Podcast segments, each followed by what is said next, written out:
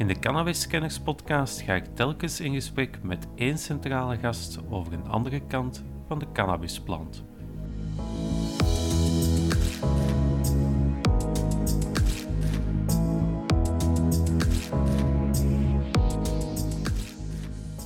De wetenschap die geeft aan van dit is de weg voorwaarts, maar de wetenschap heeft nul voeten aan de grond in de politieke beleidskeuzes uh, aangaande drugsbeleid.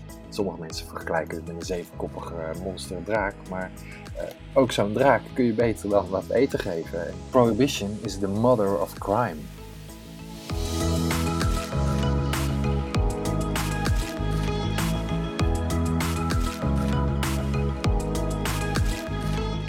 De gast in deze 29e aflevering is Has Cornelissen, pleitbezorger van een wetenschappelijk onderbouwd drugbeleid.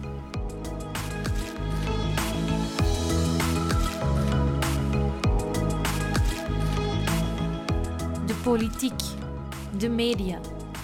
Overal horen we dissonante stemmen over het gebruik van cannabis. Tijd om de plant onder een ander licht te houden. Welkom bij Cannabiskenners. Goedemiddag, Has Cornelissen. Uh, fijn dat je wil uh, deelnemen aan dit interview. Misschien kan je starten met jezelf even kort voor te stellen, want de Belgen onder ons die ga je niet zo goed kennen, denk ik. Mm, mm, mm. Nou, ik wil vooral eerst ook jou bedanken, Daan. Ik vind het echt hartstikke ja. leuk dat je me vraagt. Um, uh, en ik vind dat je een hartstikke mooi programma aan het neerzetten bent om de Belgen sowieso wat meer bekend te maken van een enorm probleem. Wat uh, iemand van de week nog aan mij refereerde als the second biggest threat to society as a whole. Uh, de drugsproblematiek. Ja. Uh, dat is iets waar ik me al 26 jaar mee bezig hou, 27 inmiddels. Ja. Ooit begonnen als party organizer. heb ik me aangesloten bij de stichting Legalize, die toen nog een ludiek protest hield door de straten van Amsterdam. om aan de rest van Europa te vertellen van prima in Europa, maar ons coffeeshopbeleid, daar blijf je vanaf.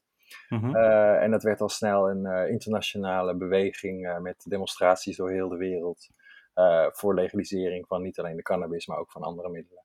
Um, mm -hmm. En ja, daar heb ik een lange carrière in gemaakt. Altijd daarnaast natuurkundeleraar geweest mm -hmm. voor middelbare scholen. en die twee dingen gecombineerd met een gezin en, en nog een voedselbossie. Maar uh, bijvoorbeeld uh, dingen die, die hiermee te maken hebben, Stichting Legalize, dat is denk ik het bekendste voor veel mensen. Ja. Een Nederlandse stichting uh, die, die dus ja, zich op alle manieren inzet voor het uit het strafrecht halen van, van drugs, om de drugsproblematiek te verminderen. Maar ik heb ook gewerkt voor landelijk steunpunt druggebruikers onder het ministerie van Volksgezondheid. de Stichting Drugsbeleid, wellicht dat jullie die ook kennen. Ja. Um, ik heb voor Encot, Joep Omer, ja. de Belg, heb ik toen hij... Jammer genoeg veel te vroeg overleden. Hè? Oh, afschuwelijk, ja. ja. en we missen hem enorm. Vooral zijn enorme capaciteit om al die talen te spreken en mensen te koppelen. Dus toen hij overleed, ja, was dat even nodig dat ik daar, als een soort interim, heb ik daar even geregeerd. Ik ben blij dat dat uh, nu redelijk goed op eigen benen staat. Een mooie ja. nieuwe voorzitter sinds een paar maanden. Mm-hmm. um, ook daar heb ik dus uh, veel mee van doen. Ik geef uh, lezingen aan de Universiteit Wageningen, aan de coffeeshops. ik heb ontzettend veel projecten. Heb ik eigenlijk aan meegewerkt. Reguleren.com, de Belangenvereniging Druggebruikers Amsterdam, ben net uit het bestuur. Um, ja, ik heb een eigen bedrijf, dat heet Psychotropica. Uh, daarvoor ja. voer ik cannabis tests uit voor coffeeshops. Ik heb daarvoor net heb ik, de Europese Leap kunnen begeleiden in het oprichten. Daar gaan we het zo geloof ik even over hebben. Ja, ja, ja er zijn veel dingen waar we het kunnen over hebben. Ja, ja, ja. en wat, eigenlijk dat psychotropica, dat, dat komt eigenlijk voort uit al die projecten. Omdat als natuurkundige vind ik vind het echt een geweldig boeiend problematiek, die drugsbeleid. Uh, en, en ik vind natuurkunde, dat, dat heeft wel wat parallellen erin, die, die eigenlijk heel onlogisch zijn. Dus het heeft zelfs voor mijzelf heel lang geduurd van, goh, wat is dat nou met drugsbeleid en natuurkunde? Dat mij zo boeit, die combinatie. Mm -hmm. En, en eh, om daar dan een beetje op vooruit te lopen, um, dat is heel erg dat ik bij natuurkunde die interdisciplinariteit heel leuk vind. Dus natuurkunde, zwaar, dat is leuk, maar als ik met natuurkunde en scheikunde uh, als ik dat ga koppelen in een gesprek of met wiskunde of een bioloog, dan wordt het echt gaaf. Of aardrijkskunde. Maar met natuurlijk, met drugsbeleid, uh, dan is die interdisciplinariteit is zo ongelooflijk breed. dan wordt het, gaat het echte vuurwerk pas beginnen. Dus dan leer je echt over alle disciplines leer je. Komen samen eigenlijk. Komen eigenlijk allemaal samen. Ik ken geen ander topic dat zo interdisciplinair is als drugsbeleid. En eh, dat rechtvaardigt in mijn ogen dan ook eigenlijk een eigen faculteit aan een universiteit. Uh, en ook aan een HBO, ik weet niet hoe dat allemaal in België heet. Ja, ja, um, University of Applied Sciences in het Engels. Uh, mm -hmm. En, en, voor en dan ook cursussen en MBO-opleidingen om mensen in dat interdisciplinaire veld gewoon goed aan het werk te krijgen. En dan hebben we het niet alleen over het veld van wetshandhaving en, en abstinentie van drugs, maar ook het veel bredere veld van helpen, voorlichting geven, uh, beleid maken en, en wat mij, mij betreft ook de verkoop van middelen op een compliant manier. Ja. Um, En ja, het is een beetje een kip-ei discussie, want wij, nu is het zo, waar die opleiding is er niet, want waar gaan de mensen dan werken? Uh, maar ja, we kunnen ook niet die mensen aan het werk zetten, want er is eigenlijk niemand opgeleid die voldoende weet van al die disciplines. Ja, ja, die eigenlijk een duizendpoot is om eigenlijk in al die deelaspecten voldoende kennis te hebben. Die mensen zijn er niet. Nee, die zijn er veel te weinig. Het blijft heel vaak beperkt tot, heb ik zelf ook gemerkt met het maken van de podcast, hè, de, specialisme een criminoloog, een toxicoloog, een econoom. Hè, maar, maar, maar, niemand die eigenlijk alle aspecten een beetje uh, vanuit het drugsbeleid bekijkt. Ja. Ja. ja. Um, ik, ik zou willen ingaan op een paar dingen die je al hebt verteld, die, die ik interessant vind. Um, je zegt, de stichting Legalize is destijds begonnen vanuit een protestbeweging. Hè? Um, specifiek dan denk ik, blijf van de coffeeshops af, je hebt het zo genoemd, hè? omwille van de unieke positie die Nederland in Europa innam en nu nog een beetje inneemt, maar dat is misschien wat aan het verminderen. Mm -hmm. um, was daar destijds zoveel weerstand vanuit de buurlanden of, of breder Europa tegen dat, Nederland? Dat was, uh, dat was in de tijd dat, uh, dat Jacques Chirac uh, nog altijd keer ging tegen Nederland. Eh, ja. En, mhm. en, dus ook zei van, we moeten wat doen aan, aan die coffeeshops van jullie. En dat ging eigenlijk veel verder dan die coffeeshops. Hè. Je moet je voorstellen, ik was zelf toen twintig, dus ik had ook niet zo'n heel breed beeld nog van de maatschappij. Uh, mm-hmm. en, en al heel snel sloten ook uh, onze smart shops erbij aan. En ook de, de ja, ik noem ze maar even de junkiebonden uh, van ja. straatdruggebruikers. En ook de partyorganisatoren, die sloten zich er ook bij aan. Dus het werd eigenlijk gelijk het hele spectrum van middelen. De psychonauten mm-hmm. en jammerlijk genoeg ook de hooligans. En dat, dat was ook gelijk waar het bij ons dus op misging. Want we gingen met vrijwilligers, organiseerden we een ontzettend gaaf feest in Amsterdam. Wat een demonstratieve taak had. Het was eigenlijk een soort love parade, uh, wat iets meer van de underground georganiseerd. Met alleen maar vrijwilligers. Waar dus ook de hooligans zich bij thuis voelden. Want ja. die hadden ook zoiets van, ja, wij willen eigenlijk ook liever dat de middelen gelegaliseerd worden. Ja, alleen, ja, ik, uh, hooligans, ik, uh, dat, dat, die hebben ook de nare eigenschap dat ze soms hun grenzen niet zo goed bewaken. En ja. dat is met vrijwilligers heel moeilijk om te managen. Dus daar ging het dan ook uh, meermaals mis, helaas. Ja, ja dat, dat kan ik me voorstellen. Ja. Um, je haalde ook nog een, een, heel klein puntje aan in je uitleg over wat je doet met psychotropica, is, is testen voor coffeeshops, hè? Ja. Uh, kwaliteitstesten. Mm -hmm. Maar ik heb altijd vernomen dat eigenlijk coffeeshops dan niet mogen, omdat het dan zou vallen onder verwerking. Klopt dat? Ja, dat is correct. Dus dat maakt het ontzettend uh, ingewikkeld. Uh, uh, maar het is natuurlijk ontzettend belangrijk dat coffeeshops dat doen. we kunnen daar heel lang over zijn, we kunnen er heel kort over zijn. Ja. Um, de korte verhaal is, er zijn wel manieren om te testen. Het is heel belangrijk om elkaar daar ook in op te leiden. Dus dat, op een gegeven moment breng je gewoon heel veel dingen samen. Dus er zijn een aantal ja, laboratoria die, die gewoon wel testen. En uh, die laboratoria die heb ik even tegen elkaar uh, uitgespeeld, zeg maar. Ik heb een ringtest gedaan, gewoon hetzelfde sample. Uh, dat kun je bij meerdere laboratoria neerleggen. Mm -hmm. Dat kun je ook doen met, met, met samples waarvan je echt weet wat erin zit. En dan kijken mm -hmm. wat er terugkomt. En op die manier kun je ook aan die laboratoria vertellen van... Goh, dit, hier zou je nog wat meer je best op kunnen doen. Dus ook, ook de labs opleiden. En op die manier ook de coffeeshops en de buttenders, de coffeeshop medewerkers opleiden. Ja.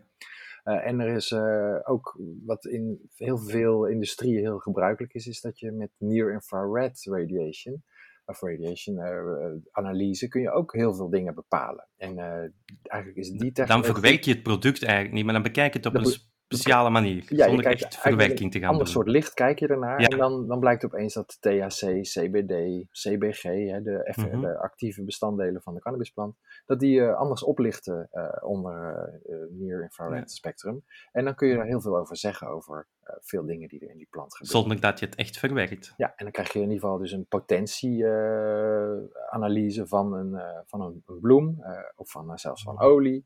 En zelfs van gruis kun je op die manier een potentieanalyse maken. En dat geeft in ieder geval al iets meer inzicht voor de eindgebruiker. Van hé, hey, ik heb hier hele sterke wiet, ik heb hier minder sterke wiet. Uh, Daar kan ik wat minder in mijn, in mijn John Ja.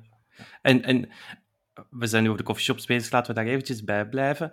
Um, het, het coffeeshop-model is eigenlijk vrij organisch ontstaan, denk ik. Hè? Het, was, het was een soort van ja, de randen van de wet een beetje opzoeken. Hè? En zo zijn de coffeeshops ontstaan. Heb ik dat goed begrepen? Dat... Ja, dat uh, is een, korte vertaling van uh, ja, jaar geschiedenis. Uitgezonderd de achterdeur natuurlijk, maar dat is, dat is dan natuurlijk helemaal iets anders. Um, een, een, kritiek die je soms hoort op het coffeeshop-model, ik vraag me af of dat je het daar mee eens bent, is dat het toch nog wat te gecommercialiseerd is. Vooral hoor je dat bij mensen die meer voorstander zijn van het, van het social club model. Vind je dat ook? Of, of vind je dat het coffeeshop model eigenlijk iets is wat je als e-, exportproduct kan gebruiken naar het buitenland als Nederland zijn? Uh, je vraagt nu om mijn mening. Uh, ik ben altijd redelijk terughoudend daarin. Ik vind dat er uh, best ruimte moet zijn voor meerdere varianten. We hebben daarvoor een hele leuke tool ontwikkeld. Samen met uh, Thijs Roes, die je ook een tijd geleden Ja, heb ik ook Geweldige podcast, vond ik dat. Ja. Um, en hebben we reguleren.com. Een site die is nog online. En dan ga je eigenlijk door de hand van acht vragen. Wordt jouw favoriete reguleringsmodel voor ah, cannabis? Ah, Daar kom je dan doorheen. Een hartstikke leuke test, ook in het Engels ja. bereikbaar. Mm -hmm. En uh, die test heeft eigenlijk, uh, er komen acht reguleringsmodellen, poppen daar dan, kunnen daar uitvallen. Hij is gewonnen mm -hmm. door een model wat ik zelf heb ontwikkeld. Dat is het veilingmodel. wat je eigenlijk meer een soort distributiemodel zou kunnen noemen. Want, ja, maar om op jouw vraag terug te komen, yeah. het, het, dat, dat kan zowel voor de coffeeshop als voor de social club zou dat kunnen opgaan. Waar die social mhm. club, hè, die zien we in Spanje uh, ja. als een interessant succes. Maar die heeft ook wel een beetje dat, die commercie erin. Als je bij die club hoort, dan is dat ook niet meteen een reden dat je minder zou gaan blowen of zo. Waar, waar je dat ook bij commercie is dat ook een kanttekening. De commercie kan jou pushen om meer te gaan blowen dan dat goed voor jou is. Ja, maar bij eh, commercie denken we meestal aan, aan, aan reclame. En dat is eigenlijk ook niet toegestaan voor coffeeshops. Dat, precies, dat is niet toegestaan voor coffeeshops. Maar ja, er gaat zo ontzettend veel uh, geld wordt er bij sommige coffeeshops verdiend. Uh, dat, dat, dat ze dat op een gegeven moment toch wel slim inzetten op PR-stunts, mhm. campagnes. En ja, dat, dat, dat, dat merk je dan wel. sommige merk je dat nu ook niet met, met het, het zogenaamde hè, het, het experiment. Hè, het experiment dat eigenlijk al redelijk lang aansleept. Hè, en nog langer zal aanslepen, als ik het zo goed begrijp. Maar daar zie je toch ook dat, dat buitenlandse spelers, hè, commerciële spelers, zich beginnen inkopen. Mm -hmm. Ja, ik, uh, het is jammer dat het radio is. Ik ben zelf heel erg fan van een, uh, een afbeelding. Ik noem hem altijd de Prohibition Paradox. Een uh, parabool, hè, natuurkundig, ja. met een, een dalparabool.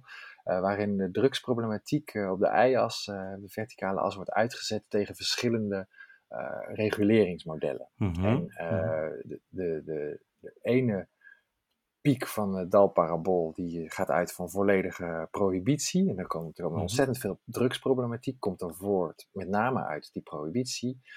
en nog steeds ook uit het middel. Uh, en dan, dan op het moment dat je die regulering wat meer controle daarover neemt in het dalparabool, gaat die ook omlaag. Dus dat, dan ga je uit van een mate van gereguleerde legalisering. Uh, je zou kunnen vergelijken zoals we dat in ieder geval in Nederland nu hebben gedaan met sigaretten. Dat het achter een deurtje zit. Uh, reclame is verboden. Grote waarschuwingsteksten. Een, een, aanzienlijke prijs. Veel ontmoediging om, om te voorkomen dat mensen te lichtzinnig denken over het ontzettend verslavende en schadelijke middel tabak. Um, maar op het moment, dat hebben we ook gezien, als je tabak niet, die controle niet erover neemt, dan krijg je enorme commerciële promotie van dat middel. Uh, en daar komen we eigenlijk vandaan, hè, wat betreft tabak? Ja, daar komen we echt zeker vandaan. Hè. Even de Dr. Smokes It is een uh, beroemde ja. Camel-reclame die veel uh, van mijn grootouders heeft. En vroeger was het altijd, een Belga rook je nooit alleen. Dat is ook zo'n bekende ja, slogan. Ja, zie het, er zijn er hartstikke veel. Ze blijven ook goed hangen, dus er is goed over nagedacht. Er zit veel geld achter, achter die commerciële promotie. En dat wil je kosten wat kost voorkomen. Uh, alcohol uh, zit nog heel erg in die commerciële promotie. Ik uh, ken vrij veel mensen met alcoholproblemen in mijn omgeving. En die, die, wat zij heel moeilijk vinden, als zij een alcoholreclame zien op een abri langs de weg, zo'n poster langs de weg, ja. dan, dan, dan denken ze gelijk weer aan, oh ja, ik lust eigenlijk wel een glaasje witte wijn. Ja. En dan gaan ze voor de mhm. bijl. Ja. En dat wil je voor cannabis, wil je dat denk ik ook voorkomen. Als natuurkunde leraar op de middelbare school heb ik echt ieder jaar wel een excess gezien van een jongere die, uh, die cannabis nuttigt. En er zijn ook uh, gewoon hele. Uh, neuro, de neurologie die heeft ontzettend goede argumenten, draagt hij aan, om te voorkomen dat kinderen onder de 18 en zelfs onder de 21, dat die te veel met mhm. cannabis en ook andere middelen in aanraking komen, omdat die hersenen gewoon echt in ontwikkeling zijn. Wat zeg je zelf als natuurkundige? Een minimum voor leeftijd voor, voor cannabis? Vroeger was het 16 in Nederland, nu 18. Ben je voorstander van het op te trekken zelfs naar 21, zoals het vaak in, in Amerika is? Persoonlijk wel, ja. Ik, uh, op die middelbare scholen, wat je daar ook vaak zag, er zit altijd wel een leerling van 18 uh, eh, in een eindexamenklas. En dan mm -hmm. ging hij naar de koffieshop toe. Mocht gewoon voor de binnen. rest. En die kocht dan wiet voor de rest ja. van de school. Ja. Uh, en ja. dat, ja, ehm, je kunt je voorstellen wat voor problemen daaruit voortkomen. Het is eigenlijk is het een dealer, maar hij wordt gezien als een dealer, want hij, ja, hij kan het ook niet gratis aanbieden aan die jongens. Nee. Uh, als zo'n jongen betrapt wordt, is hij zijn schoolcarrière kwijt aan het einde van zijn schoolcarrière. Ja, terwijl dat hij op zich zoiets heeft van ik doe op zich niks verkeerd, want ik mag het kopen. Ja, en mijn vrienden willen graag dat ik dat ja. voor hem koop. En ik denk, ik denk dat, je, dat het ontzettend moeilijk is om te voorkomen dat, het, uh, dat, dat jongeren uh, het gebruiken. Uh, mm -hmm. En als je dus die leeftijdsgrens naar 21 oprekt, daarmee zeg je eigenlijk een morele grens, uh, zou je kunnen zeggen, die ook gewoon om te onderbouwen is. Hè. Tot 21 gemiddeld groeien de hersenen aan. Uh, mm -hmm. We kunnen er zo eventueel over hebben over die neurologie, die daar dan een belangrijke rol speelt. Maar ja.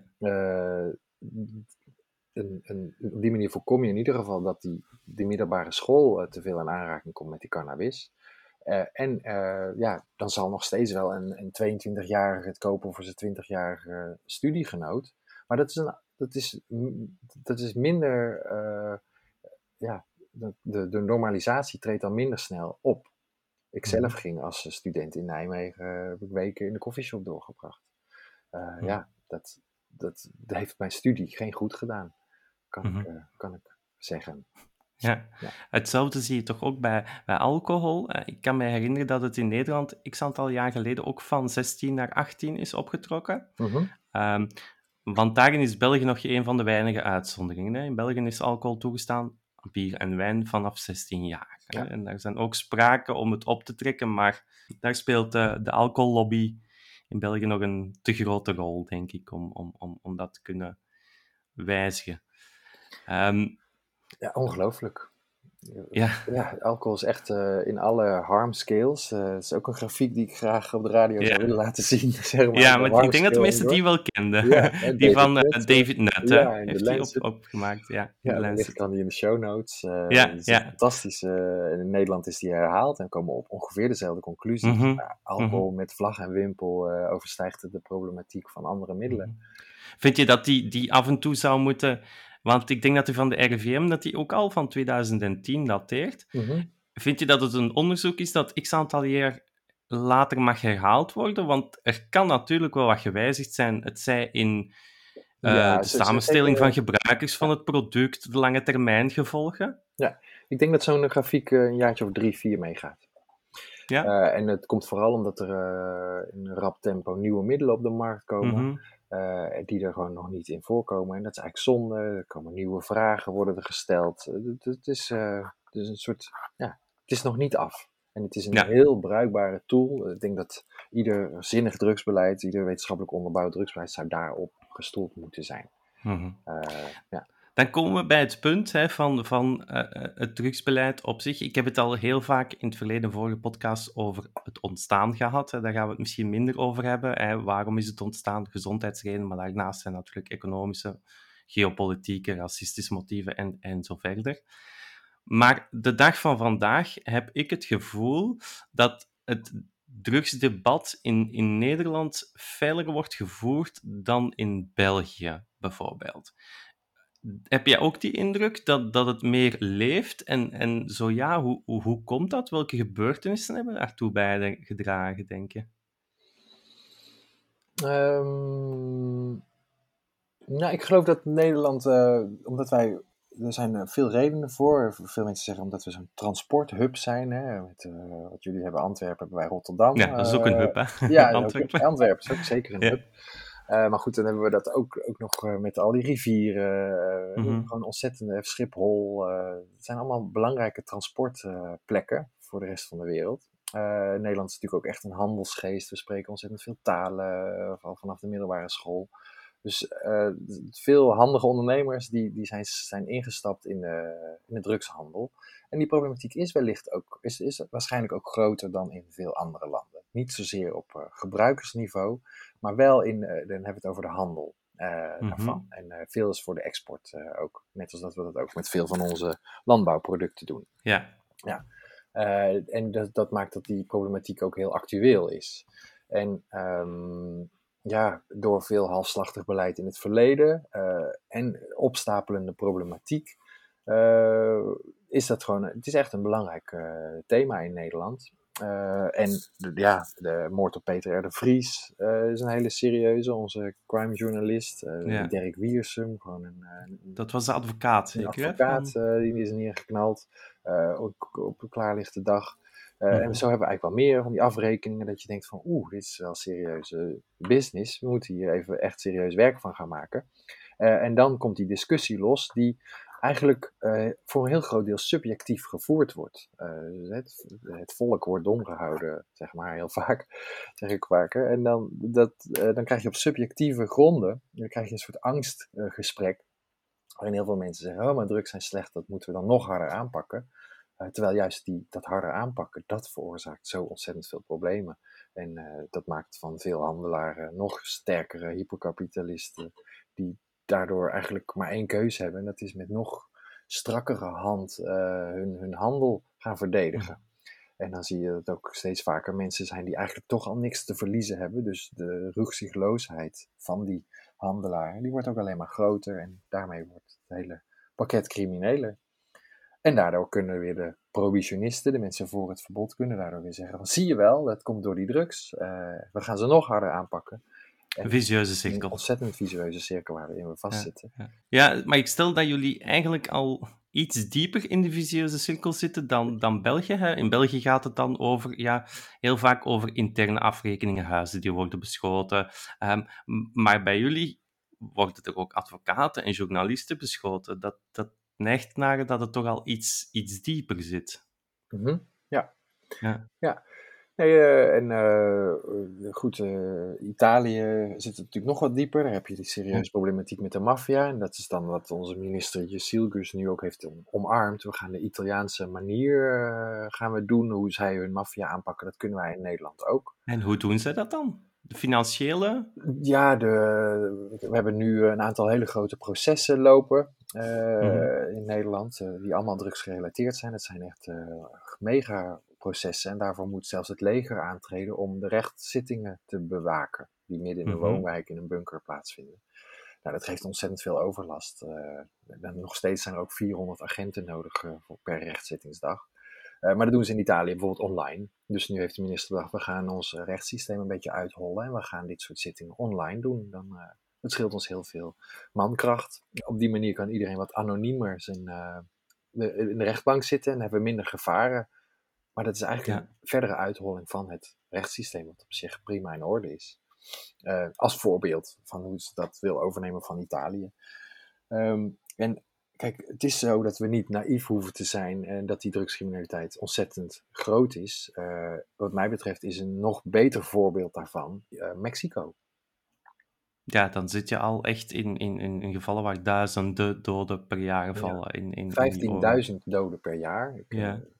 Het is echt afschuwelijk. Veel kinderen, veel, ook gewoon onschuldige moeders die daarin betrokken, in meegestuurd worden. Maar er zit zoveel criminaliteit omheen. Dat wordt ge, ge, gevoed door uh, gigantische sommen geld uit het noorden van Amerika, Noord-Amerika. dat dat dat heel moeilijk is om te stoppen. Door heel veel geweld, corruptie, levert dat op in Mexico. Met geld uit Amerika. En mhm. wat ook nog eens extra wordt aangewakkerd door de militairen uit Amerika, die die criminelen dan aan het opsporen zijn. Uh, ja. En... ja, dan komen we bij het punt hè, van, dat hoor je vaker in, in, in het heel drugsdebat. En dat is misschien een ja, gewaagdige uitspraak, dat men zegt van, er zijn ook partijen die te winnen hebben bij de oorlog tegen drugs in zijn brede zin van het woord. Ben je het daarmee eens? En welke partijen hebben daar dan bij te winnen? Naast natuurlijk de, de criminele drugsproducenten zelf. Ja, dat, uh, ik, ik, was al bang dat je die vraag zou stellen. en uh, kijk, ik vind het een, uh, als, als natuurkundige de, is het het, de, de belanghebbenden zitten al lang op de plekken waar ze dat kunnen beslissen. Dat is eigenlijk hoe je dat dan zou zien. Alleen, um, dat, dat kun je niet bewijzen. Uh, de epifenomenen, zoals dat dan heet, die wijzen wel heel erg die kant op. Dat, dat, uh, nee, dus de wetenschap die geeft aan van dit is de weg voorwaarts, maar de wetenschap heeft nul voeten aan de grond in de politieke beleidskeuzes uh, aangaande mm drugsbeleid. En hoe kan dat? En dat nou? komt door? Ja, hoe kan dat nou? Dus waar, wat ik zelf um, uh, altijd merk is alsof we echt tegen een hele rare betonnen muur aan zitten te beuken met elkaar. Van hé, hey, luister, het gaat niet goed met de wereld. Wij we hebben een betere ja. oplossing. Jullie doen al 102 jaar uh, die opiumwetten, gaat iets in mis. De, doelste, de, de bedoeling is goed, we willen de drugsproblematiek verminderen, maar de het manier middel. waarop het middel is gewoon Ja. niet goed. Mhm. Uh, en we komen daar gewoon niet doorheen. We worden naïef genoemd. En, uh, er, is, er is geen gesprek mogelijk. Er is geen funding. Uh, je wordt zelfs niet serieus genomen. en waar dat nou door komt. Daar, zijn, daar zitten belanghebbenden op belangrijke plekken. Dat is, dat is een aanname die dan heel snel doet. Maar dat is een hele gevaarlijke. Want je wil niemand eigenlijk kwalificeren. Beschuldigen. Beschuldigen, Beschuldigen. disqualificeren. Ja. daarin. Daar, daar, daar win je ook niet per se iets mee. En je kunt Nee. het ook niet bewijzen. Dus dat, Ja, dan ga je het debat niet mee vooruit daar ga je het helpen. debat niet mee vooruit helpen. Mhm. Dat, uh, dus dat is, een, dat is een hele lastige problematiek. Um, die betonnen muur, daar wil je wel heel graag gewoon doorgangen in zien te maken. En uh, misschien is dat ook een mooie brug naar dat leap uh, toe. Ja, um, ja. Want het heeft voor mij, ik zit nu al 27 jaar, bijt ik me eigenlijk vast in dit onderwerp. en het heeft heel lang geduurd voordat ik.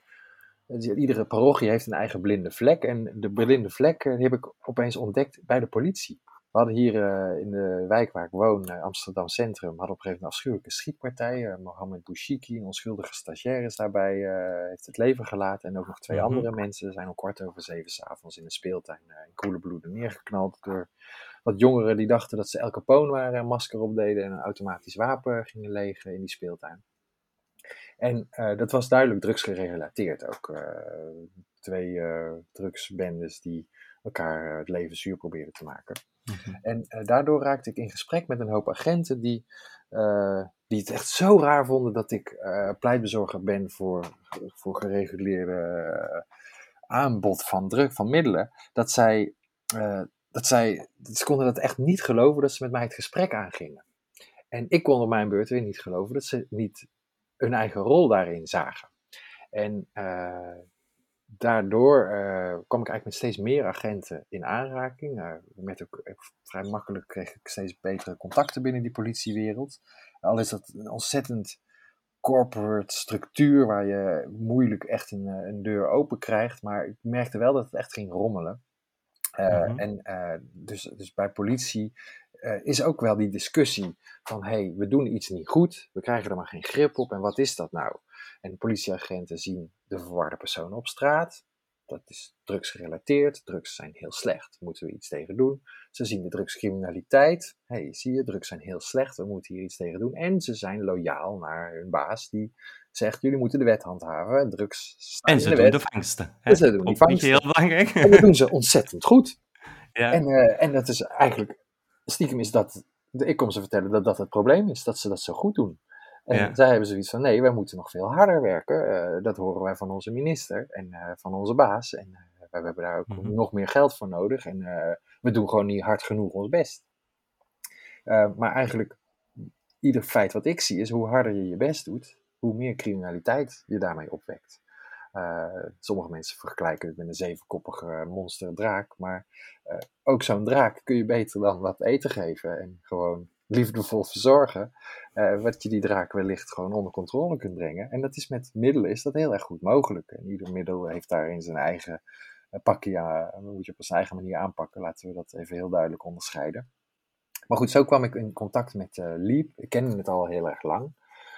In Amerika is het ooit begonnen, in, meen in 2002. En LEAP staat voor, stond toen voor Law Enforcement Against Prohibition. Weer tegen het Mhm. verbod.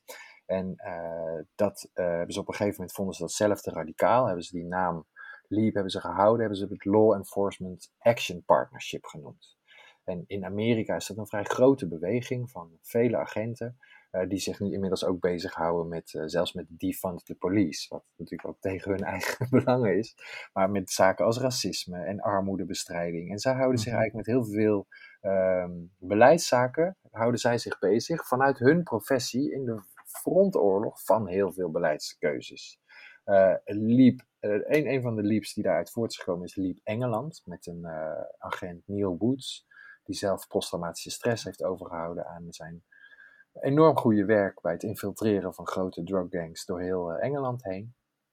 Eh, en hij is eh, Leap UK begonnen, heeft daar steeds meer medestanders gevonden en is dat, heeft dat nu uitgebreid over heel Europa in een koepelorganisatie met eigenlijk door heel Europa agenten die met hem eens zijn. Ehm, en eh, die is echt puur nu voor de prohibitie, dit Leap. Ook al eh, dragen ze wel dezelfde naam als de Leap US. En dat Leap Europe, eh, dat, hij vroeg mij om een lanceringsbijeenkomst te organiseren hier in Amsterdam. En terwijl ik daarmee bezig was, kon ik met mijn netwerk, wat ik had opgebouwd, eh naar aanleiding van die schietpartij hier op Wittenburg, Amsterdam, Mhm. kon hij zich, kon ik opeens meer medestanders vinden die ook bereid waren om zich publiekelijk daarvoor uit te spreken. En dat publiekelijk uitspreken, dat, dat is echt. Dus ik, ik herken echt de andere parochie in die politieagenten. Gewoon de mensen die, die dus nooit hebben begrepen waar wij voor strijden. Eh, en, en ik heb hun nooit kunnen begrijpen. En nu versta ik hen steeds beter. Eh, en dat vind ik heel leuk. Dus het betonnen, de betonnen muur, zoals ik die eh, altijd heb ervaren, die, die lijkt steeds meer van glas te worden. Dat je een beetje in de gedachten van de, de pro-prohibitionisten, eh, dat je daarin kunt meedenken en ook meebewegen. eh, om ze ook eigenlijk zelf eh, tot de conclusie te laten komen van, goh, we doen al 102 jaar, doen we iets wat gewoon niet werkt. Mhm. En laten we eens iets anders gaan proberen. Dat is, dat is ja, de, de, de nobele taak die, die ik heel erg belangrijk vind. En waar dus ook steeds meer agenten zich nu aan toewijden van hey, dit, wij kunnen dit, want wij, wij hebben recht van spreken. Wij zijn gewoon met iets heel raars bezig, eh, wat we ontzettend goed doen, maar we brengen onszelf hiermee in gevaar en ook de maatschappij als geheel. Dat kan niet de bedoeling zijn. Maar het moet toch voor een, een, een agent, hoe moet ik het zeggen, he- heel moeilijk zijn mentaal om, om dat besef te hebben, enerzijds, en dan anderzijds om het ook nog uit te dragen. Vooral dat laatste lijkt me niet eenvoudig, omdat je eigenlijk ingaat tegen wat er van je wordt verwacht. Ja, ja dus ehm, dat, is, dat, is, dat, is, dat is niet te onderschatten zo moeilijk als dat is voor die agenten. Ja, Eh, dus eh, ze zijn zo loyaal naar hun werkgever dat dat, je hoort je sowieso niet uit te spreken over beleidskeuzes. En daarbovenop ook nog eens zijn de drugs echt slecht. Er zit echt diep in hun genen. Dat zat het zelfs bij mij toen ik begon, 26 jaar geleden, bij Legalize. Drugs zijn slecht, dus dat willen we toch niet legaliseren. Alleen die cannabis, dat zei ik in het eerste jaar van Legalize. En dat werden langzaam steeds meer middelen.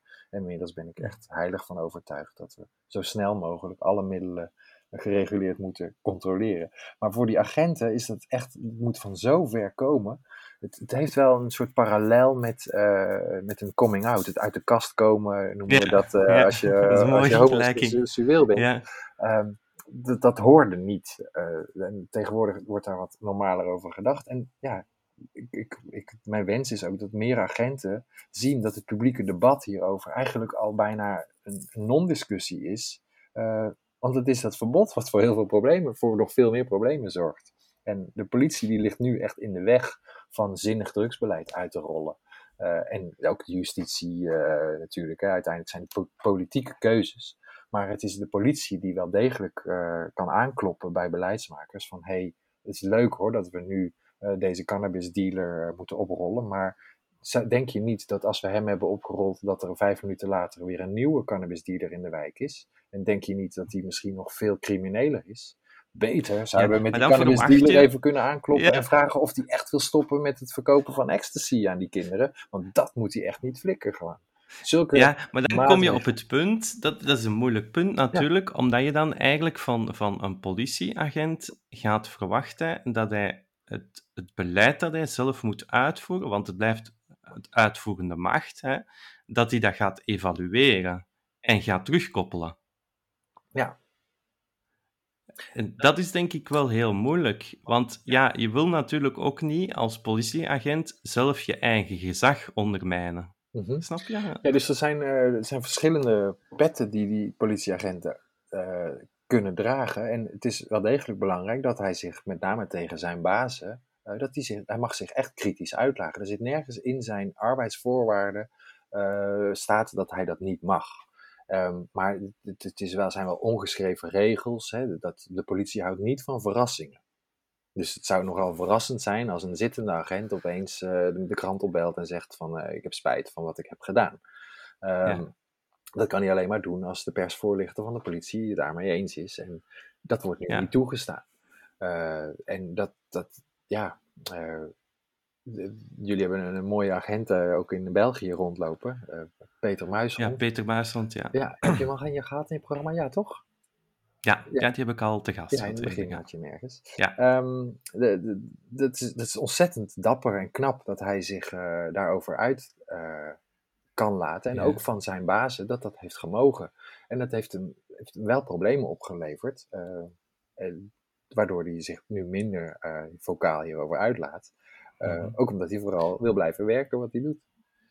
Ja, dat begrijp ik. Maar bij, bij iemand als Peter Muishond denk ik dat de publieke opinie en, en, en misschien zijn leidinggevende hem ook nog meer credits gaan geven omwille van de persoonlijke, het persoonlijke aspect van zijn standpunt. Het is niet gewoon een agent die dat zegt op basis van het werk dat hij doet of wat hij rond zich ziet, maar ook op basis van een persoonlijk verhaal. Ja.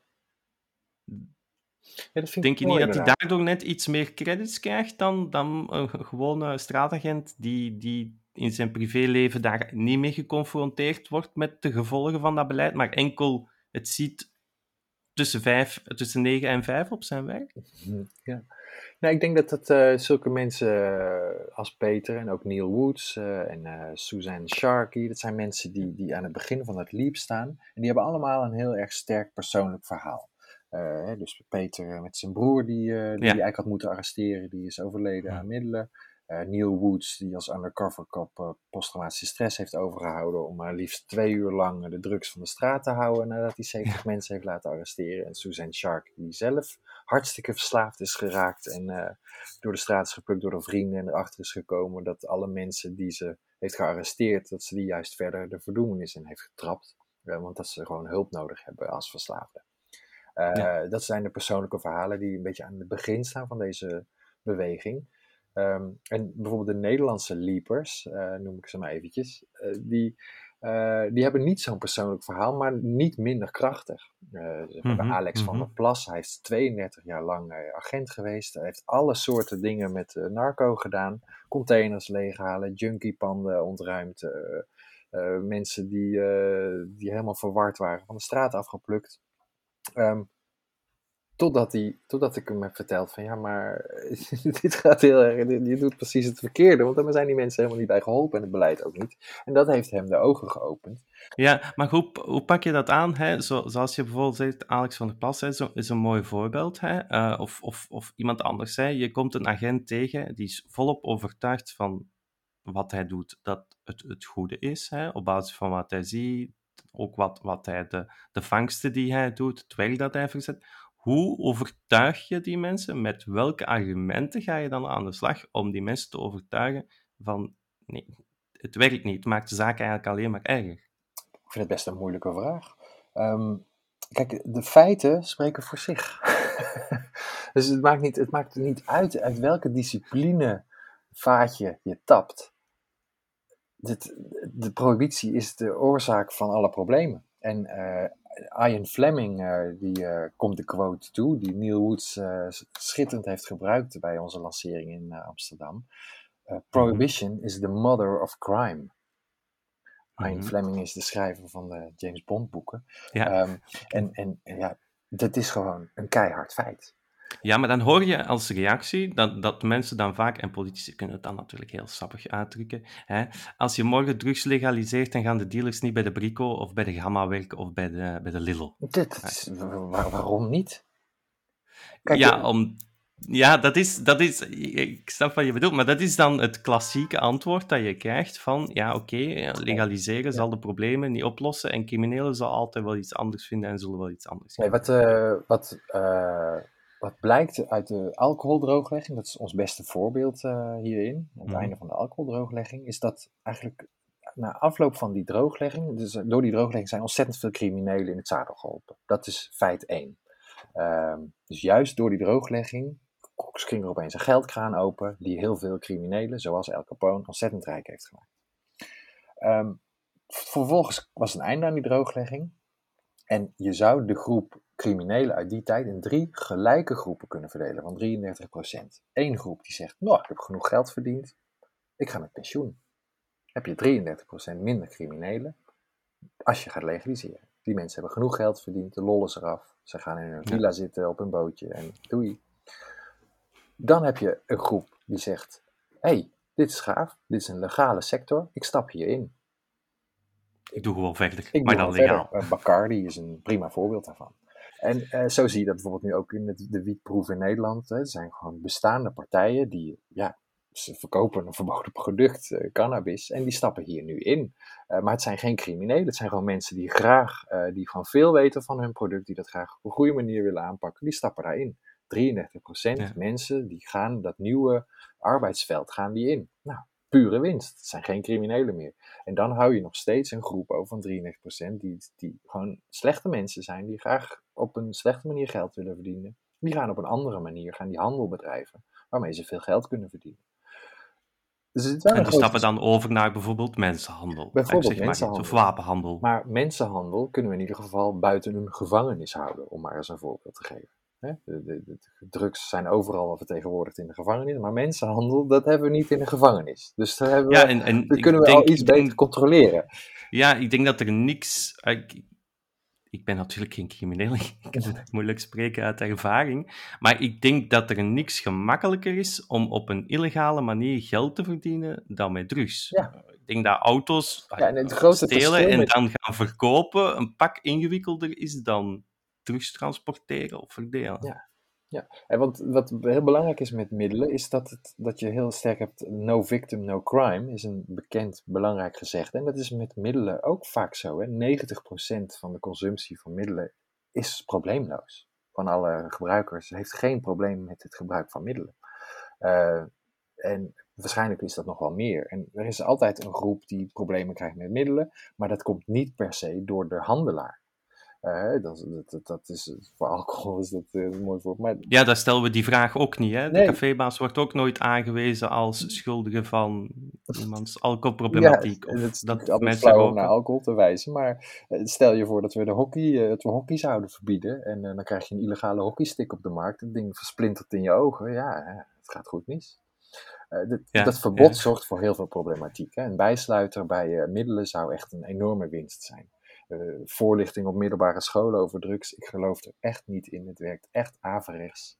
Maar wat wel zou werken is als de dealer goede voorlichting geeft. Hè. Begin met een klein beetje, neem later wat meer. En goh, hou er rekening mee dat, het, dat je niet kunt autorijden als dit de mhm. eerste keer is dat je een jointje rookt. Nee, dus een, een dealer, een verstrekker, laten we hem even zo noemen, mhm. eh, die kan er gewoon, die kan er eigenlijk, dus de persoon die voorlichting zou kunnen en moeten geven, in een compliant manier. En dan kun je best een onafhankelijke stichting tussen zetten die de bijsluiter gaat schrijven en die controleert of de dealer dat echt op zo'n manier doet dat hij niet zijn eigen product aan het promoten is. Maar dat werkt mhm. beter dan zoals het nu is met de, de hyperkapitalistische dealer die bij het schoolplein gaat staan van hé, hey, hier moet je dit eens proberen. Dat is de huidige situatie. Het werkveld kan op heel veel manieren zeggen: dit beleid werkt niet. Het is uiteindelijk de politiek die moet beslissen. Ja.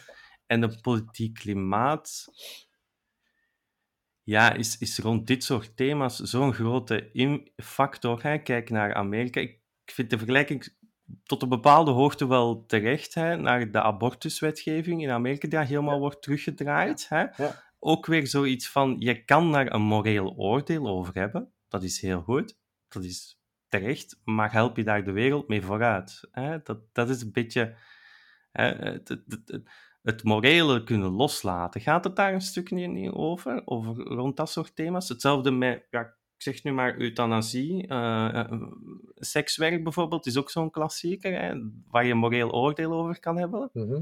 Maar wat we accepteren in Nederland van, hé, hey, het is er, laten we dat pragmatisch oplossen. Ja, ja, dat is het woord, pragmatisch oplossen. Maar daar zie ik, hè, vooral in België rond het drugsdebat, die pragmatiek mist. Ontzettend, um, ja. dat vind ik best wel We noemen het vaak polderen, dat is misschien voor de Belgen. Nee, dat ken ik niet. we noemen het het poldermodel, uh, wordt vaak gezegd.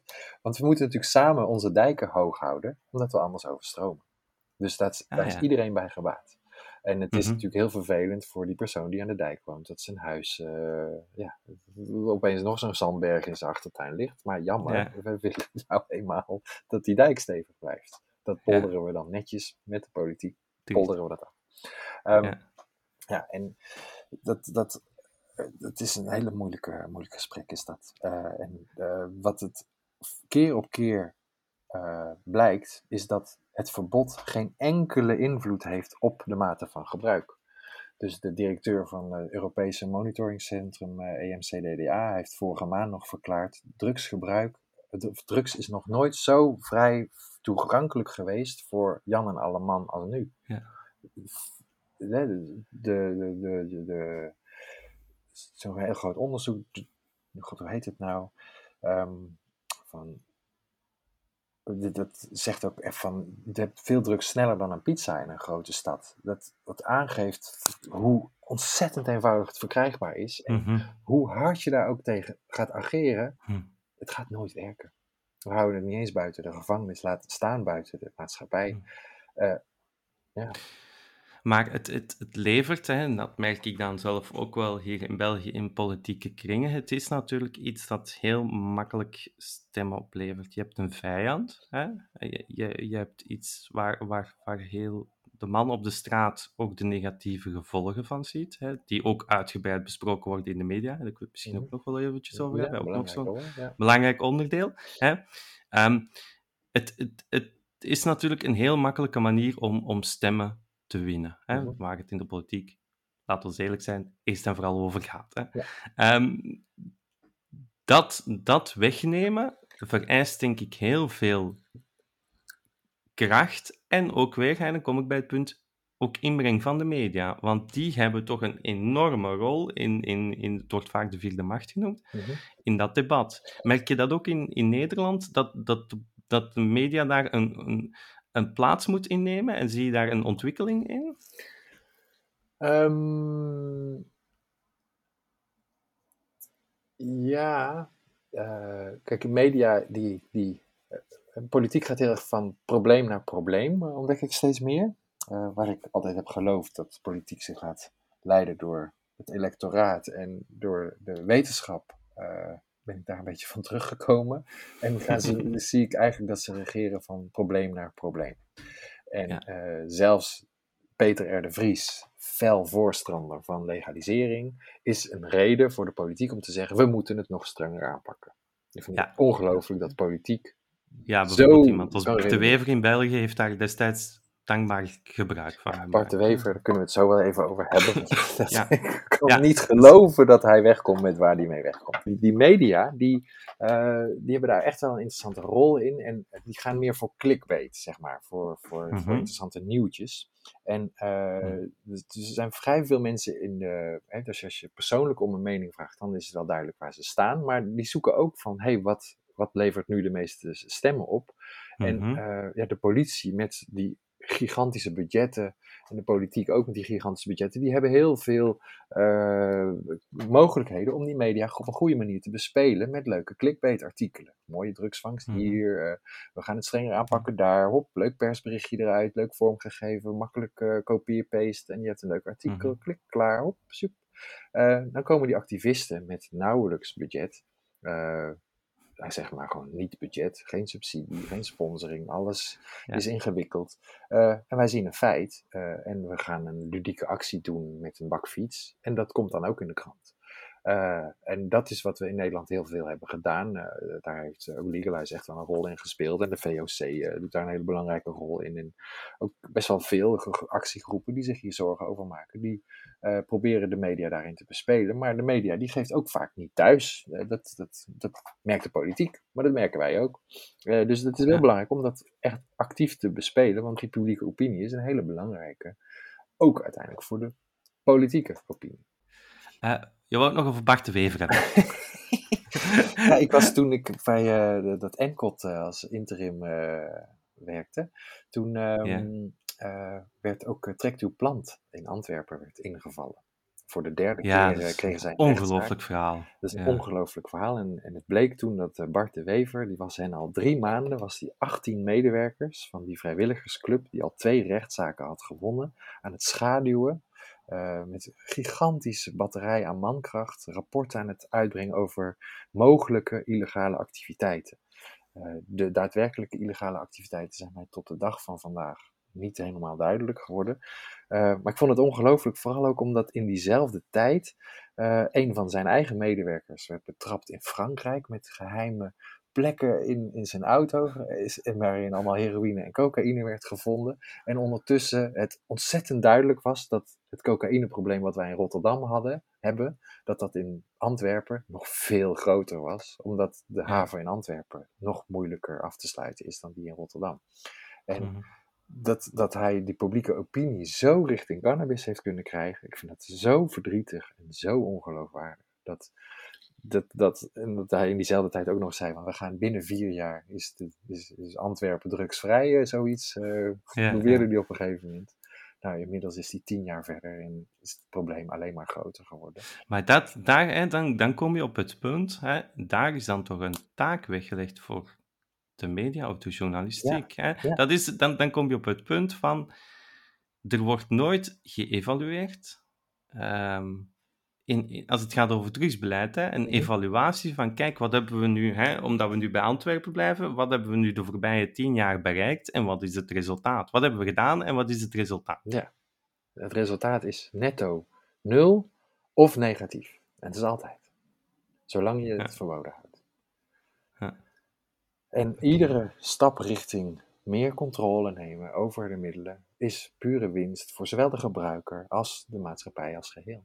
Maar dan word je weggezet als naïef. Dan word je weggezet als je bent naïef of je... Um, ja, het, het, is niet haalbaar. Hè. Ik, om, om Bart Wever toch nog eens te citeren, ik, ik, las onlangs nog een citaat van hem. Uh, dat ging dan over, over de drooglegging, dat hij zei van het enige dat we kunnen leren uit de drooglegging, als je iets toelaat, kun je nooit meer terug. Probeer je dat, dan gaat het mislukken dat is toch onzin? Dat doen we met sigaretten, dat, dat, drukken we toch niet ja, terug. maar dat is dan ook weer zo'n klassiek, en, ja. ja. maar dat is een klassiek argument dat je heel vaak in dat debat dan hoort. Dat is van, ja, we gaan toch vandaag niet iets toelaten om morgen dan te zeggen dat het echt slecht is. ja, maar daar gaat het niet om. Plutonium is, bestaat is echt heel slecht. En het bestaat. Het komt uit, uh, bij Doel uh, Antwerpen zitten we weer. Er komt het iedere dag in suikerklontjes eraf rollen. En het moeten, daar moeten we iets mee. En dat, is, dat, dat, dat kunnen we niet verbieden. Maar we kunnen wel zorgen dat dat met zulke strenge restricties omgeven is. Super Ja, maar dat hebben we nodig. Plutonium, hè, om bij het voorbeeld te blijven, dan kan je zeggen: plutonium hebben we nodig om energie op te wekken. Nee, nee, nee, plutonium is nodig. afval wat vrijkomt bij het opwekken van energie. En het enige wat ja, je okay, nodig maar dat afval, dat nemen we waterstofbommen van te maken. En dat willen, willen, we als maatschappij absoluut voorkomen. Kosten wat kost, mag dat niet in de handen van de verkeerde persoon vallen.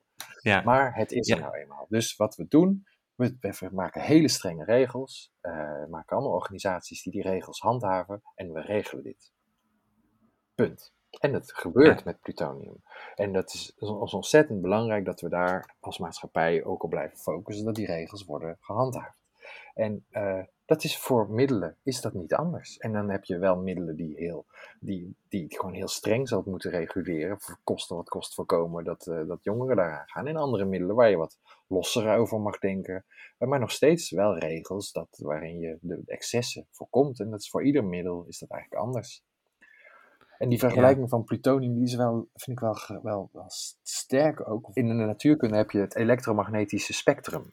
Dat zijn mhm. eigenlijk alle uh, het licht is daar het bekendste voorbeeld van. Alles wat gaat met de snelheid van het licht, uh, eh, 3 miljard meter per seconde, uh, dat past in het elektromagnetische spectrum. We hebben het over radioactiviteit, infrarood, radiogolven, gsm-straling, wifi, alles wat daartussen zit. Dat zijn allemaal hele verschillende golven die we op hele verschillende manieren benaderen die kunnen allemaal op een andere manier gaan we daarmee om. Hebben hun eigen zendertjes, hebben hun eigen autoriteiten. Hebben, het ene is heel makkelijk en heel laagdrempelig. Het andere is omgeven met de hoogste compliancy die we maar kunnen bedenken. En zo is het voor drugsbeleid ook heel goed denkbaar. En dat lukt alleen maar door wetenschappelijk onderbouwd uh, daarmee om te gaan. En daar open over te kunnen praten met ja, maar dan moet je al de omslag kunnen maken. Dan moet je al de omslag kunnen maken in je, in je hoofd als politicus of als bevolking. Enerzijds van drugs zijn er altijd al geweest. En drugs hebben ook um, goede kanten. Want eh, plutonium is inderdaad een, een afval dat ontstaat door het opwekken van energie. Mhm. Dus het heeft een nut gehad. Mm Bij drugs heerst heel vaak de opinie van drugs heeft geen nut.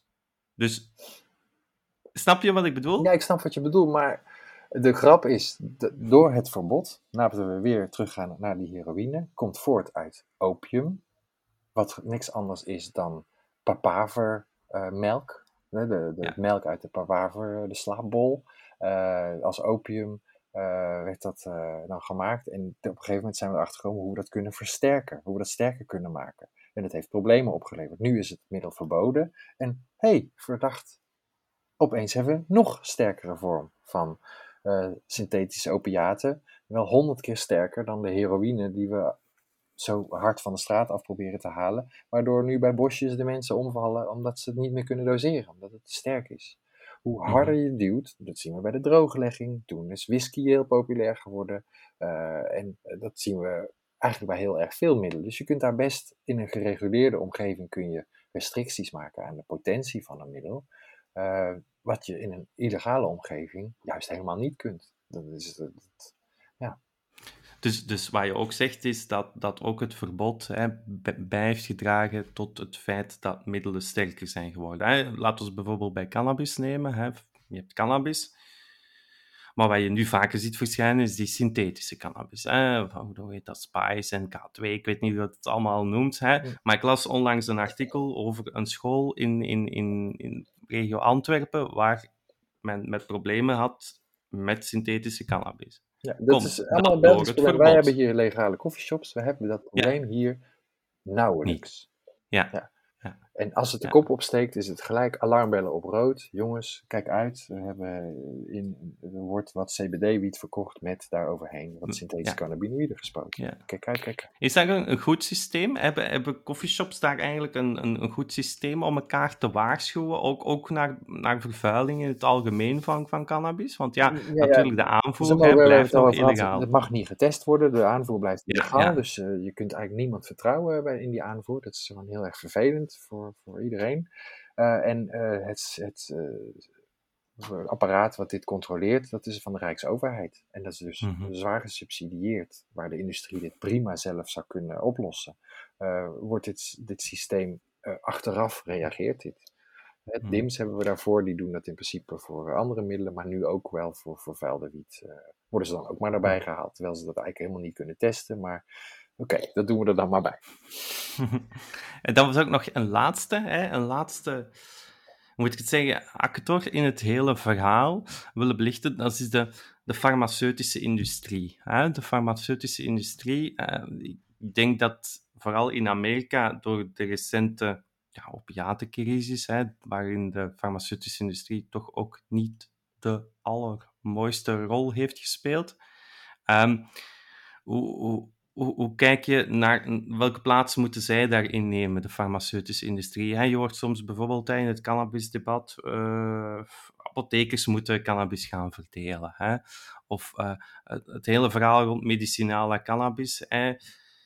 Eh, Je hoort vaak in Nederland dat, ik denk dat het Bedokan is, die ver- verkopen dan wel cannabis medicinaal, maar die is dan vrij duur in vergelijking met de coffeeshops. Eh, hoe zie jij dat? Wat is de plaats van, van, de, van de farmaceutische industrie dan in heel dat verhaal? Ja, ja, weer ieder middel is anders. Ehm, ik kan me best voorstellen dat een middel als eh, MDMA ecstasy, dat dat in een apotheek verkocht zou worden. Al vind ik dat niet ideaal. En, en zo, ja, wat, wat prettig is aan die farmacie is dat ze al een redelijk solid systeem hebben opgebouwd van compliancy. En dat maakt het vrij eenvoudig voor hen om in te stappen. Ehm, Mhm. ja, en wat er gebeurd is in Amerika, dat eh, de Purdue Pharma een, een 9 miljard boete hebben ze net betaald. Eh, Ja. Ik, ik, ik hoop Dus, dat is goed, goed afgekocht eigenlijk. Ja, dat hebben ze nog steeds het zou, kunnen regelen. weinig geld eh, voor de Ja, eh, inderdaad. 180.000 de overdoses doden per jaar in de Noord-Amerika's. Ja. Ja. ja. Dat, Hoe, hoe zit dat in, in, in Nederland? Dus, dat heb ik ook een beetje, eh, een beetje gevolgd. Hè. Daar is het debat nu rond ecstasy. Hè. Ik dacht dat men de overheid nu had beslist om richting experimenten of te onderzoeken van hoe kunnen we die experimenten opzetten rond do- donderdag opent er een ecstasy winkel in Utrecht. Dat is, eh, Fictieve mag ik Ja, op?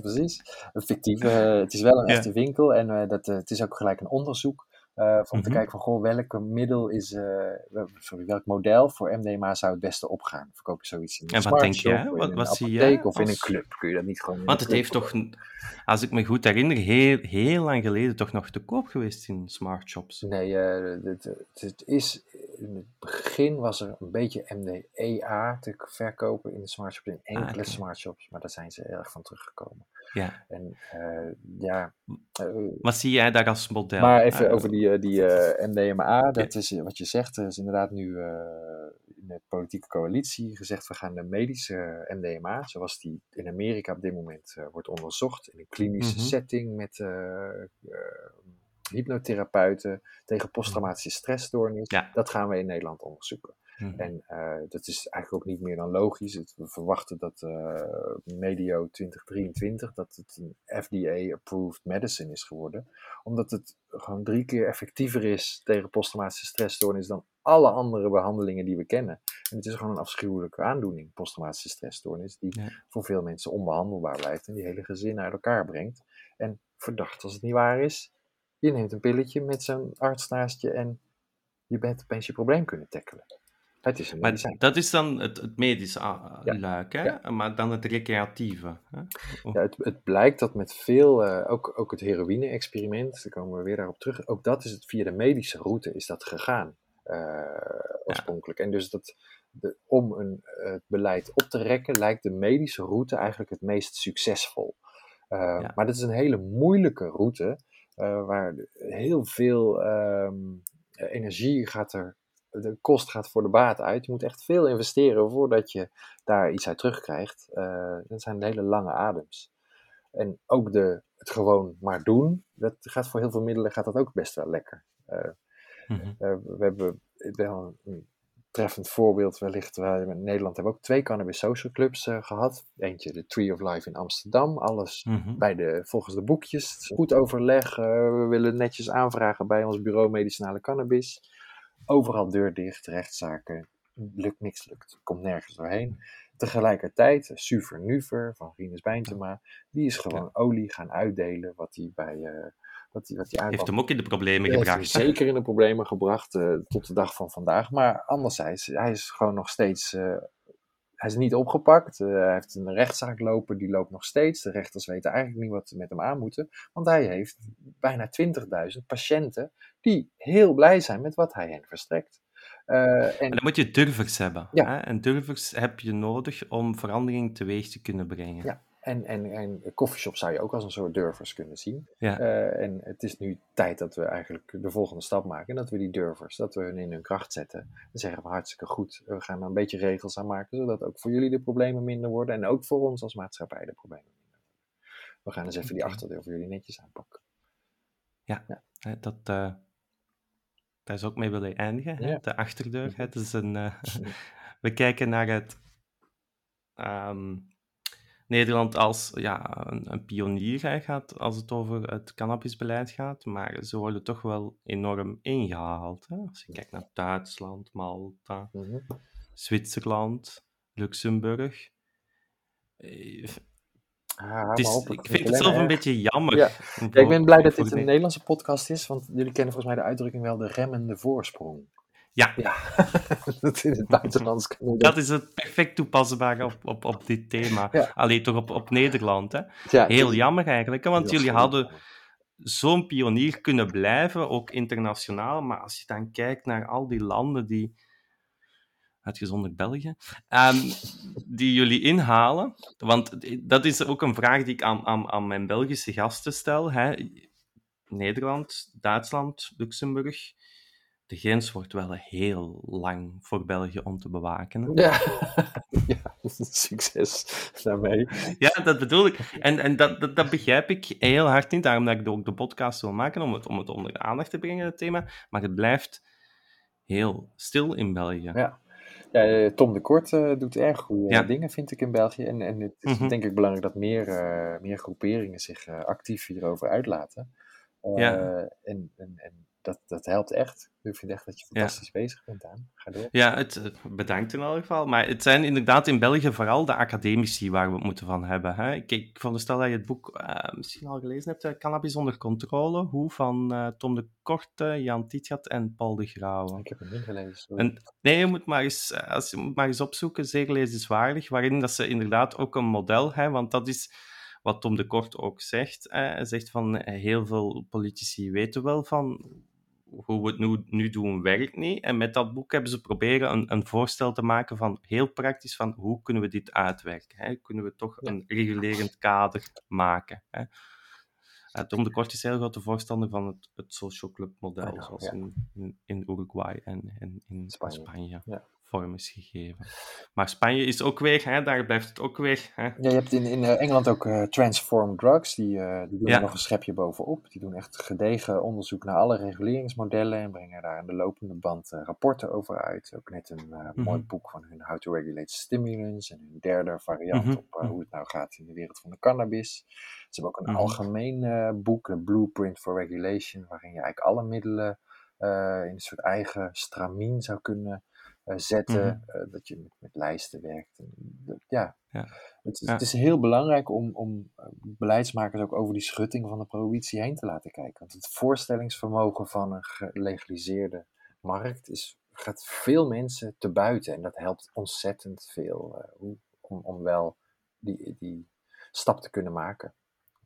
Merk je dat zelf ook als, als je het over het, het thema hebt, dat men wel cannabis oké, okay, maar dat daar dan stopt. Hè. Ja, bijvoorbeeld in België is, is Smart on Drugs is, is een ja, organisatie, een burgerbeweging die zich daarvoor inzet. En die pleit inderdaad ook voor een regulering van alle middelen. Mhm.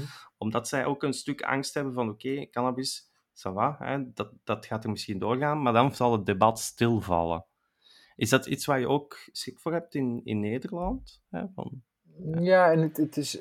Uh... Zeker vanuit het historische onderscheid dat jullie maken tussen soft en hard terug sinds 1976. Ja. Um, het, uh, het gekke is dat heroïne is hier al legaal. Terwijl dat is eigenlijk een van de moeilijkste middelen. Omdat het zo ontzettend verslavend is en uh, zoveel problemen heeft veroorzaakt. En sinds de heroïne hier legaal is, kan ik mijn fiets zonder op slot te zetten in Amsterdam op straat zetten.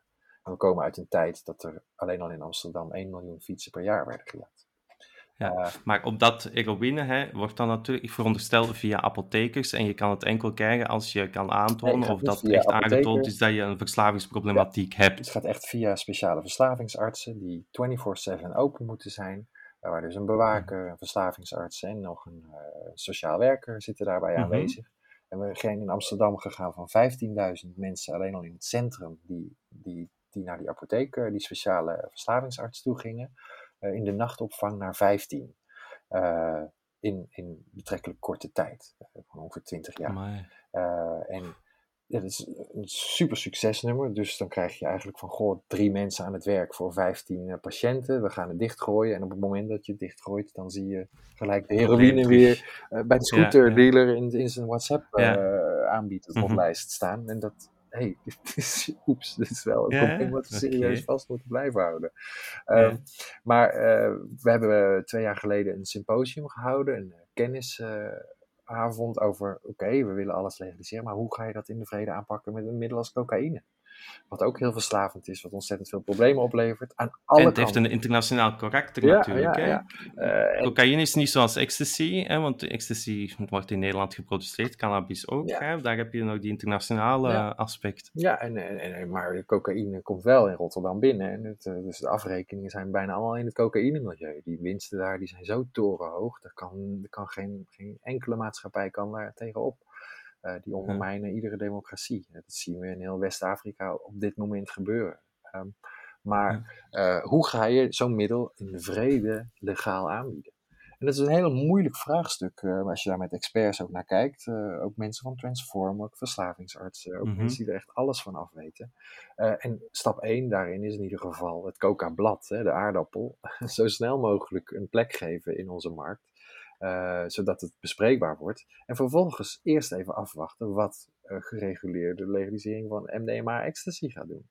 Uh, en vervolgens kun je de volgende stap maken van een verslavende middel als cocaïne. En dat geldt, gaat ook een beetje voor amfetamine. En vervolgens een nog ingewikkelder middel wellicht crystal meth. Hoe ga je dat in de vrede aanpakken? en hoe langer we wachten met het oplossen van dit probleem, hoe meer problemen zich zullen opstapelen hierin. Dus we kunnen maar beter haast maken met het uh, controle nemen over die middelen. Voel je een urgentie daarin? Ja, enorm. Ik, uh, ik deel heel erg de visie dat het uh, een van de grootste problemen is van de maatschappij van vandaag. overbevolking, wat we zien als klimaatverandering, is daar één. Ja. Is het denk ik het eerste probleem, maar daarna is dit echt, dit ondermijnt bijna alles. En ook de milieuproblematiek die heeft hier goed van te lijden aan alle kanten. Niet alleen het ecstasy-afval wat in onze bossen wordt geloodst, maar ook uh, hoe het regenwoud naar de knoppen gaat door de coca-productie.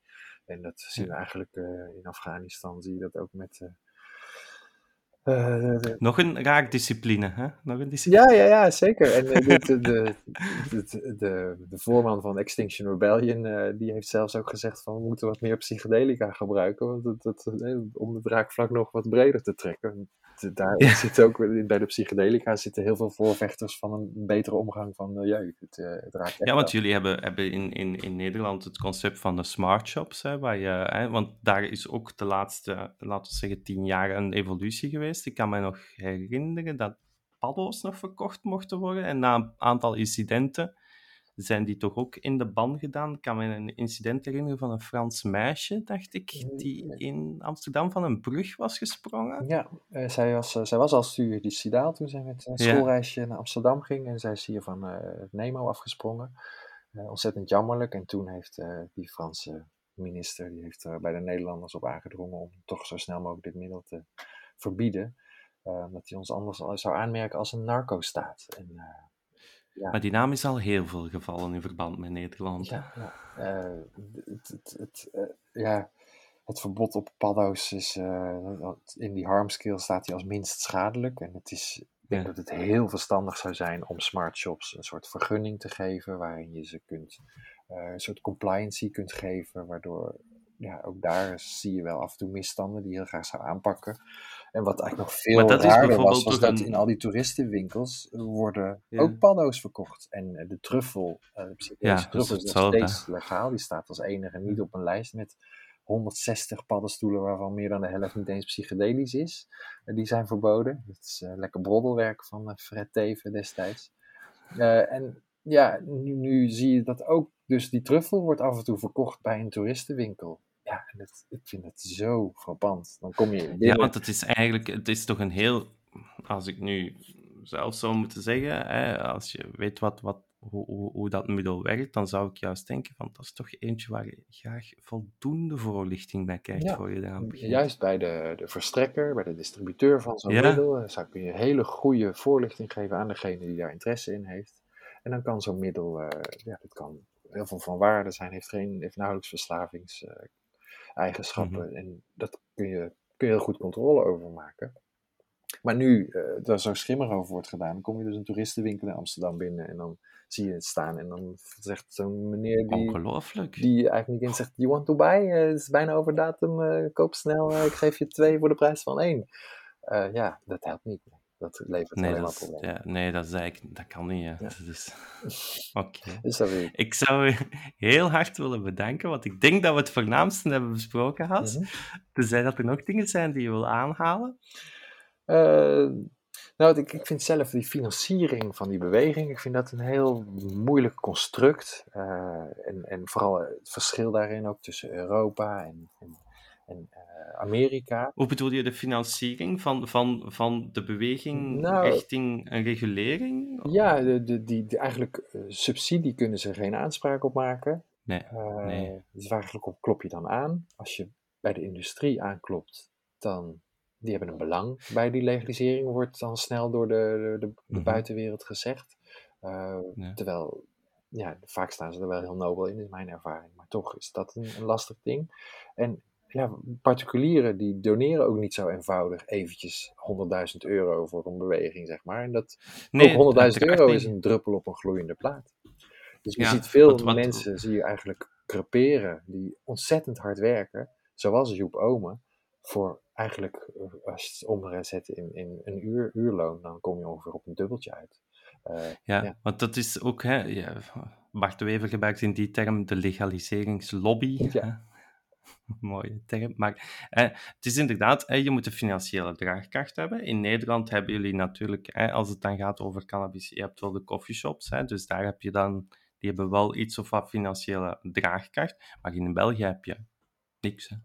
Maar goed, die coffeeshops, die, uh, die betalen eigenlijk ook niet.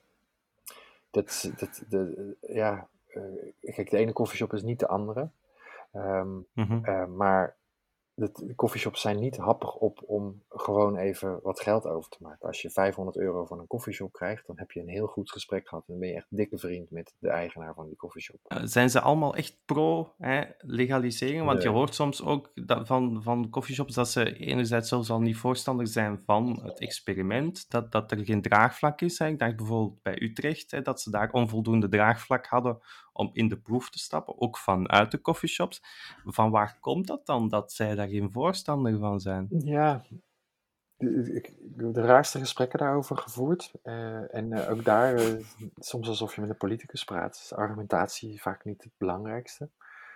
Um, sommigen zeggen je mag alles legaliseren behalve de wiet, want dan levert het nog veel, lekker veel geld op, kan ik hoge marges vragen. En, ja, en het, het, speelt allemaal mee. Het is allemaal. Het kan het ook kloppen. En het. Kijk, vergis je niet dat coffeeshops. die hebben altijd in zo'n soort grijze zone geleefd. En dat geeft ja. ook een mate van stress. Waardoor due diligence is niet. staat niet vooraan bij een coffeeshop-eigenaar. En dan een mm -hmm. due diligence is een soort van nog korte termijn visie. En de lange termijn visie is hoe je je, je hele bedrijfsmodel zou kunnen verbeteren denk dat mhm. het voor een koffieshop-eigenaar fantastisch is als hij ochtends even naar de veiling gaat en hij koopt alles in en hij voor de rest van de week zit hij gebakken en hij heeft geen gezeik met ja, mensen die die zwart denken, moet betalen en die ja, niet voilà, niet meer op de drie keer per dag moet heen en weer rijden om dat vrouwen en kinderen weer worden bedreigd ja. door die ja. mafklapper en dat er weer een zender onder zijn scooter wordt gevonden en er weer een, een bom aan zijn deurklink hangt. Ja, maar dat, dat, dat, hij heeft zoveel stress van dat, die hele achterdeurproblematiek, dat hij daar eigenlijk niet eens mee bezig is. En ze zijn er vaak ook, ook gewoon een beetje ingerold. Het zijn, zijn niet uh, gelijk mensen die universiteit hebben afgemaakt, die, die een koffieshop runnen. Die, maar het zijn gewoon goede ondernemers. Die, die, uh, en ze hebben hun zaakje voor elkaar. En dat, maar ja, als je dan met die argumenten afkomt die je nu zegt van oké, okay, de risico's worden weggenomen, hè, je, je handelsvoorraad voor een week is in orde, je moet niet met, met, met zogenaamde runners werken, je, je wordt niet gevolgd, dat soort zaken, dan zou je toch denken van joepie, hè, ik wil graag legaliseren. Ja, Liever vandaag dan uh... morgen, maar het is toch niet zo?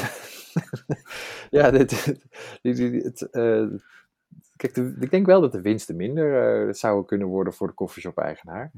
Al verwacht ik. Dat geloof ik graag. Dat denk ik dat voor de mensen in het experiment gesloten koffieshopketen, die verplichte tien gemeentes waar uh, de koffieshops ja. allemaal mee moeten doen. Ik denk dat die koffieshops uh, hier heel erg goede zaken mee gaan doen. Uh, die gaan uh, hier veel geld op verdienen, verwacht ik. Omdat je denkt dat, dat van omliggende gemeentes mensen sneller naar die coffeeshops gaan gaan? Als in van, ah, we weten dat is kwaliteit. Nou, ik, dat denk is, dat het, uh, ik denk dat er overproductie, overproductie komt bij die telers. ah, een overproductie. Ja, ik denk ongeveer tien keer te veel gaan ze produceren. Uh, als het eenmaal draait. Hè? Dus uh, in het begin van Canada zag je even, we hebben te weinig uh, toen Canada ja. werd. Maar daarna, nu is er daar veel te veel. En dan gaan die prijzen bij die telers, die gaan dan steeds verder naar beneden. En dus dan krijg je nog lagere inkoopwaarden, maar ze mogen niet te veel verschillen. De coffeeshops in de deelnemende gemeentes mogen niet te veel parameters veranderen met de gemeentes die niet meedoen. illegaal. Ja. Oh, ja. Dus ja, die blijven uh, soms wel 17 of 23 euro voor een gram vragen, terwijl ze datzelfde grammetje kopen ze in voor misschien 1,80. Ah, ja. dat zijn mooie winstmarges. Prima een bedrijf oprunnen. En dan ook nog eens legaal. Dus uh, ja, uh, het zal even, even slikken zijn voor ze, omdat ze een week voorraad in de koffieshop moeten houden met alle beveiligingsmaatregelen die daarbij horen. Mm -hmm. Maar ik, mm -hmm. ik, verwacht dat ze, nou, als het experiment eenmaal een tijdje loopt, dat ze ontzettend tevreden zullen zijn. en het, is, uh, het zou fantastisch zijn als ze die winsten, als ze dat voor een deel zouden afromen richting de beweging die in heel Europa uh, alleen maar een gloeiende plaat is. Uh, ja. en, en, en ook luisteraars wellicht ja. gewoon uh, zet wat legaten in op dit onderwerp. En uh, worden, die kwartje wordt 25 keer omgedraaid en zeker goed besteed. En uh, dat valt in vrucht, vruchtbare bodem en groeien mooie, mooie projecten gaan eruit groeien. Want het is de enige okay. weg voorwaarts. Dan wil ik je heel erg bedanken, Hes, voor het, voor het interview. Ja. En ja, nog een fijne dag toegewenst. Ja, ook nog bedankt. En de luisteraar ook. Veel succes, ga zo door. Bedankt Has Cornelissen voor dit uitgebreide gesprek. En u luisteraar, u hoor ik graag binnenkort terug voor een nieuwe aflevering van de Cannabis Kenners podcast.